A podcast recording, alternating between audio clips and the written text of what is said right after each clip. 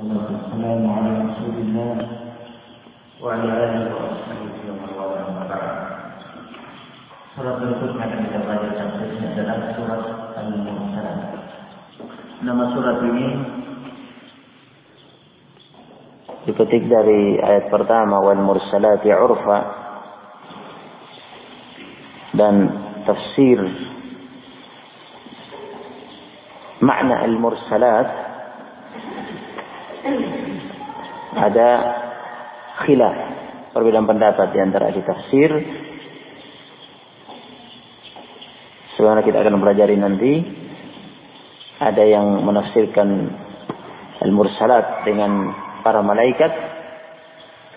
Ada pula yang mengartikan menafsirkan al-mursalat dengan ar-riyah angin-angin yang bertiup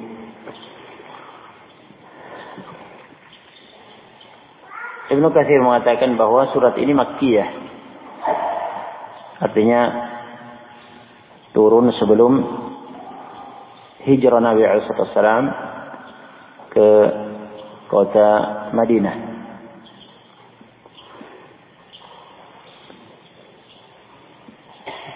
Ibnu Katsir rahimahullah dalam tafsirnya mengawali dengan menyebutkan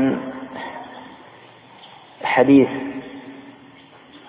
Abdullah bin Mas'ud radhiyallahu anhu yang dikeluarkan oleh Al-Bukhari dan Muslim. Muttafaq alaih.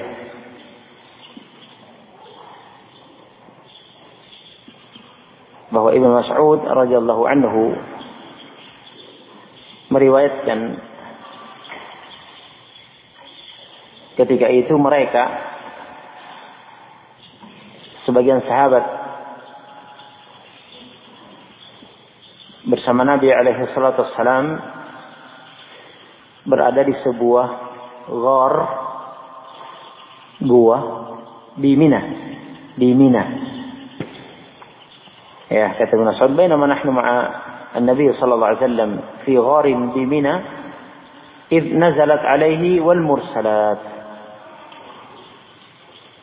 tatkala kami sedang bersama Nabi alaihi salatu wassalam di sebuah gua di Mina tiba-tiba turun kepada Nabi alaihi salatu wassalam surat ini wal mursalat.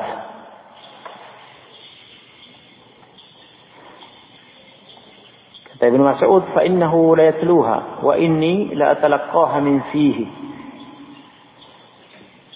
kemudian sesungguhnya Nabi alaihissalam la yatluha membacakan surat ini kepada kami wa inni la atalaqaha min fihi dan sesungguhnya aku menerima surat ini mengambilnya langsung dari bacaan Nabi SAW dari mulut Nabi Sallallahu Alaihi Wasallam.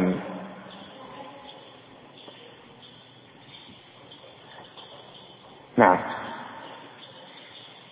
kemudian kelanjutan hadis hanya menceritakan bahwa tiba-tiba ada hayyah seekor ular ya hendak menyerang mereka. Kemudian Nabi SAW memerintahkan para sahabat uktuluha bunuh ular itu. Kemudian para sahabat mengejar ular itu tetapi lolos. Nah. Jadi hadis ini menjelaskan kepada kita waktu turunnya surat ini. Kemudian Ibnu Katsir rahimahullah menyebutkan hadis lain dari Abdullah ibnu Abbas radhiyallahu anhuma dari umminya dari ibunya. Ya. Riwayat uh, Ahmad dari Ummul Fadl dari umminya ibunya itu Ummul Fadl Ummul Fadl ibu Ibnu Abbas meriwayatkan kata dia anha sami'at an-nabiy sallallahu alaihi wasallam yaqra'u fil maghrib bil mursalati urfa bahwasanya Ummul Fadl mendengar Nabi alaihi wasallam membaca pada sholat maghrib dengan surat Al-Mursalat. Nah, di sholat maghrib. Nabi SAW membaca surat Al-Mursalat. Ini riwayat Ahmad. Kemudian riwayat Malik. Ya. Juga dari Ibn Abbas, dari Ummul Fadl. Pada riwayat Malik ini Ibn Abbas membaca surat ini. Ummul Fadl mendengar Ibn Abbas membaca wal mursalati urfa. Kemudian Ummul Fadl mengatakan, "Ya bunayya, wahai Ananda, anakku, dzakartani bi qira'atika hadhihi surata." Kamu mengingatkan aku dengan bacaanmu ini, membaca surat ini, itu mengingatkan aku, kata Ummul Fadl. Naam. Annaha la akhir anha la akhiru ma sami'tu min Rasulillah SAW yaqra biha fil maghrib. Sesungguhnya surat ini adalah yang paling terakhir aku dengar dari Rasulullah SAW. Beliau baca di salat maghrib. Dan hadis ini, hadis Ibn Abbas dari Mulfadl juga dikeluarkan oleh Al-Bukhari dan Muslim melalui jalan Al-Imam Malik. Melalui jalan jalur Al-Imam Malik. Nah, ini pada mukaddimah tafsir ini dari Ibnu Katsir rahimahullah. Adapun tafsir wal mursalat arfa. Nah.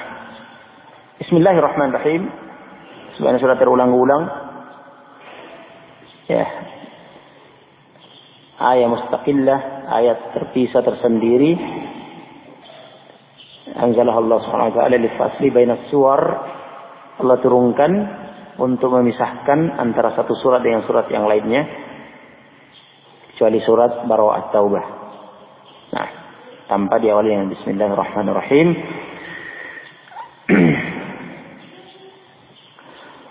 Wal mursalati urfa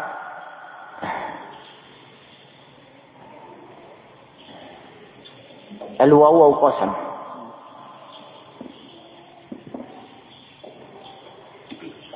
Al-waw wawul qasam. Huruf al-waw ini adalah berfungsi bermakna sumpah demi. yakni Allah Subhanahu wa taala bersumpah demi al-mursalat, kemudian demi al-asifat, al-nashirat, al-fariqat, al-mulqiyat. Nah, bersumpah demi makhluk-makhluk ini. Kita ketahui bersama bahwa ini hukum khusus. Hanya Allah Subhanahu wa taala yang boleh bersumpah demi apa saja dari makhluk-makhluknya. Adapun selain Allah Subhanahu wa taala haram bersumpah demi salah satu makhluk dan merupakan syirik. Ya. Jika hanya pada ucapan saja dan itu sudah mengandung unsur takdim pengagungan terhadap makhluk itu tetapi sebatas ucapan dan tidak disertai dengan i'tiqad mengagungkan makhluk itu setara dengan Allah, maka itu sudah syirik kecil, syirkun asghar. Jika diikuti dengan i'tiqad dalam kalbu mengagungkan makhluk dan dia bersumpah demi makhluk itu setara dengan Allah, punya keagungan kebesaran setara dengan Allah, punya kuasa seperti Allah, maka sudah menjadi syirik akbar. Syirik besar yang membatalkan tauhid, membatalkan Islam. Itu rincian mengenai bersumpah demi selain Allah SWT. Nah, adapun Allah, ya, boleh bersumpah demi apa saja dari makhluknya. Nah, salah satunya ini pada surat ini dan sudah kita lewati. Ya, misalnya ini Allah SWT bersumpah demi sebagian dari makhluk-makhluknya. Allah bersumpah demi makhluk-makhluk ini untuk menegaskan kebenaran adanya al-ba'd wal jaza. Adanya al-ba'd hari kebangkitan dan pembalasan amal. Kata As-Sa'di rahimahullah, aqsama ta'ala 'ala al-ba'th wal jaza'i bil a'mali bil mursalati 'urfa. Allah taala bersumpah atas kebenaran akan terjadinya al-ba'ats hari kebangkitan wal jaza bil amal pembalasan amalan-amalan hamba-hamba Allah bersumpah atas hal itu bil mursalati urfa dengan al mursalati urfa demi al mursalati urfa.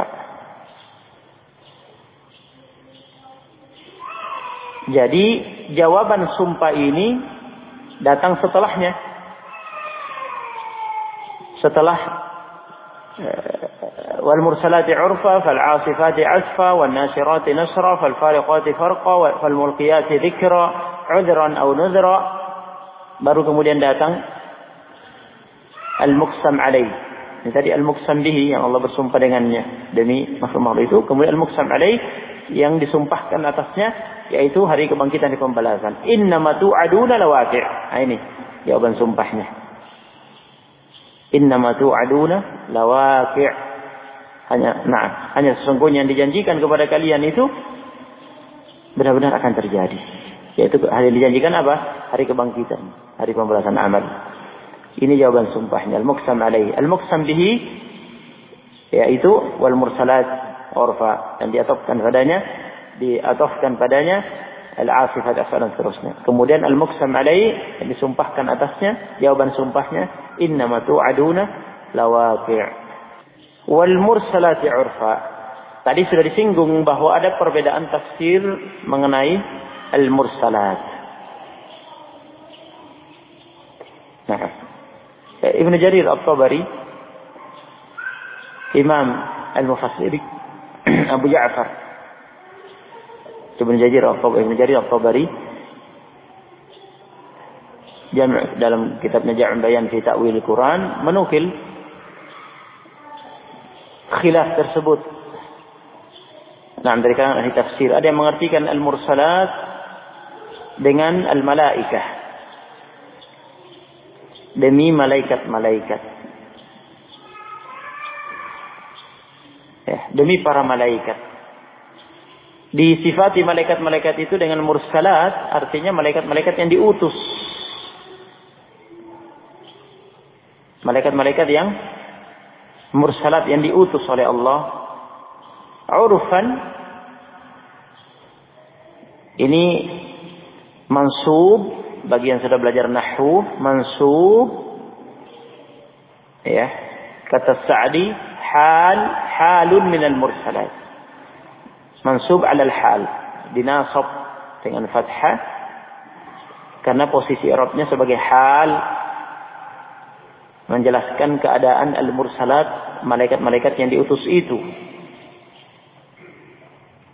Artinya mereka diutus dengan membawa urf.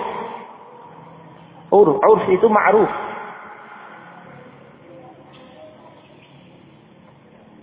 khudil afwa wa'mur bil urfi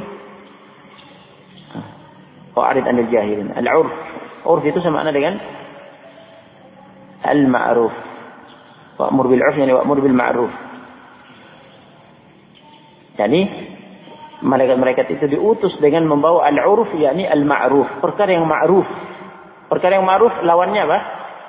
Mung mungkar. Nah, membawa perkara yang ma'ruf yakni bukan perkara mungkar yang mereka bawa. Nah, ursilat seperti kata Sa'di ursilat bil uruf wal hikmah wal maslahah la bin nakri wal abath. Mereka diutus ya dengan perkara yang ma'ruf, hikmah, maslahat bukan dengan kemungkaran, bukan dengan perkara yang sia-sia. Nah, sebagian ahli tafsir menafsirkan al-mursalat dengan ar-riyah. Tafsir yang kedua yang disebutkan Ibn Jarir At-Tabari dalam tafsirnya Jami'ul Bayan fi Ta'wil Al-Quran. Ar-riyah demi ar-riyah. Ar-riyah jamak dari rih. Demi angin-angin yang mursalat, yakni angin-angin yang diutus karena angin-angin itu bertiup berdasarkan perintah Allah Subhanahu wa taala. Segala sesuatu yang terjadi di alam semesta ini berdasarkan amr perintah dari Allah. Ada amrun qadari, ada amrun syar'i. Ada perintah Allah yang sifatnya perintah yang sifatnya takdir yang Allah ciptakan, yang Allah takdirkan sesuai kehendaknya dan sifatnya syar'i. Jadi angin itu bertiup diutus oleh Allah. Allah yang mengutusnya, memerintahkannya bertiup. Jadi al-mursalat demi angin-angin yang diutus. Itu bertiup. Urfan artinya yatba'u ba'duha ba'da. Kata Ibnu Jarir. Tabari yatba'u ba'duha ba'da. Angin-angin yang bertiup silih berganti. Ya. Setelah bertiup ya satu angin menyusul angin berikutnya. Menyusul angin berikutnya, menyusul angin berikutnya, begitu. Itu makna urfan. Itu makna urfan. Nah, angin yang bertiup silih berganti. Angin yang bertiup, angin-angin yang bertiup silih berganti. Setelah uh, satu angin bertiup, diutus oleh Allah, menyusul angin berikutnya. Itu makna urfan. Yang mana yang rojih dari dua tafsir tersebut? Adapun Ibnu Katsir, beliau tidak menyebutkan tafsir angin. Beliau hanya menyebutkan tafsir malaikat. Ibnu Katsir dalam tafsirnya hanya menyebutkan tafsir yang pertama bahwa al-mursalat artinya apa?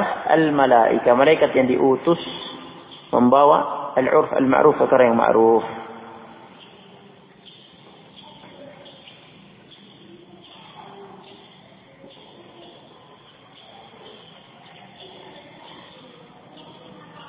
Uh, Anda menyebutkan siapa tadi? Menyebut As-Sa'di. Nah, afwan. As-Sa'di. Nah, ulangi. As-Sa'di hanya menyebutkan satu tafsir yaitu apa? Al-mursalat diartikan dengan apa? Malaikat. Dan beliau tidak menyebutkan tafsir yang kedua yaitu yang diartikan angin. Nah, artinya beliau merojihkan tafsir bahwa al-mursalat adalah malaikat, malaikat, bukan angin. Ini Sa'di dalam Tafsirul Karimur Rahman. Adapun Ibnu Katsir sama dengan Ibnu Jarir menyebutkan dua tafsir. Nah, yang pertama al-malaikah, yang kedua ar-riyah. Apa yang dirajihkan Ibnu Katsir? Yang dirajihkan Ibnu Katsir kebalikan yang dirajihkan As-Sa'di. Kata Ibnu Katsir setelah menyebutkan dua tafsir itu wal azhar annal mursalat hiya riyah wal azhar kata Ibnu Katsir annal mursalat hiya riyah yang lebih tampak dari dua tafsir itu bahwa al mursalat adalah angin-angin. Nah, ini tarjih Ibnu Katsir. Adapun Ibnu Jarir At-Tabari tidak mentarjih salah satunya bahkan mengatakan dua-duanya bisa masuk dalam ayat. Selama ayat selama ayat ini maknanya bisa bermakna yang pertama, bisa bermakna yang kedua dan tidak ada pertentangan antara keduanya. Eh, dua-duanya masuk bisa diartikan malaikat, bisa saja diartikan riyah. Allah bersumpah demi malaikat, Allah bersumpah demi angin. Tidak ada pertentangan. Ini benar jari. Dua-duanya bisa kata beliau. Fahmi, As-Sa'di merajikan apa? Malaik, malaikat Ibnu Katsir merojihkan angin, Ibnu Jarir mengatakan dua-duanya bi bisa masuk dalam makna ayat. Nah, Fal asifati asfa dan seterusnya kita lanjutkan pada pertemuan yang akan datang barakallahu fikum. Nah. Setelah ini antum lanjut meroja ya. Baik. Tafadhalu jazakumullah khairan. Warahmatullahi wabarakatuh.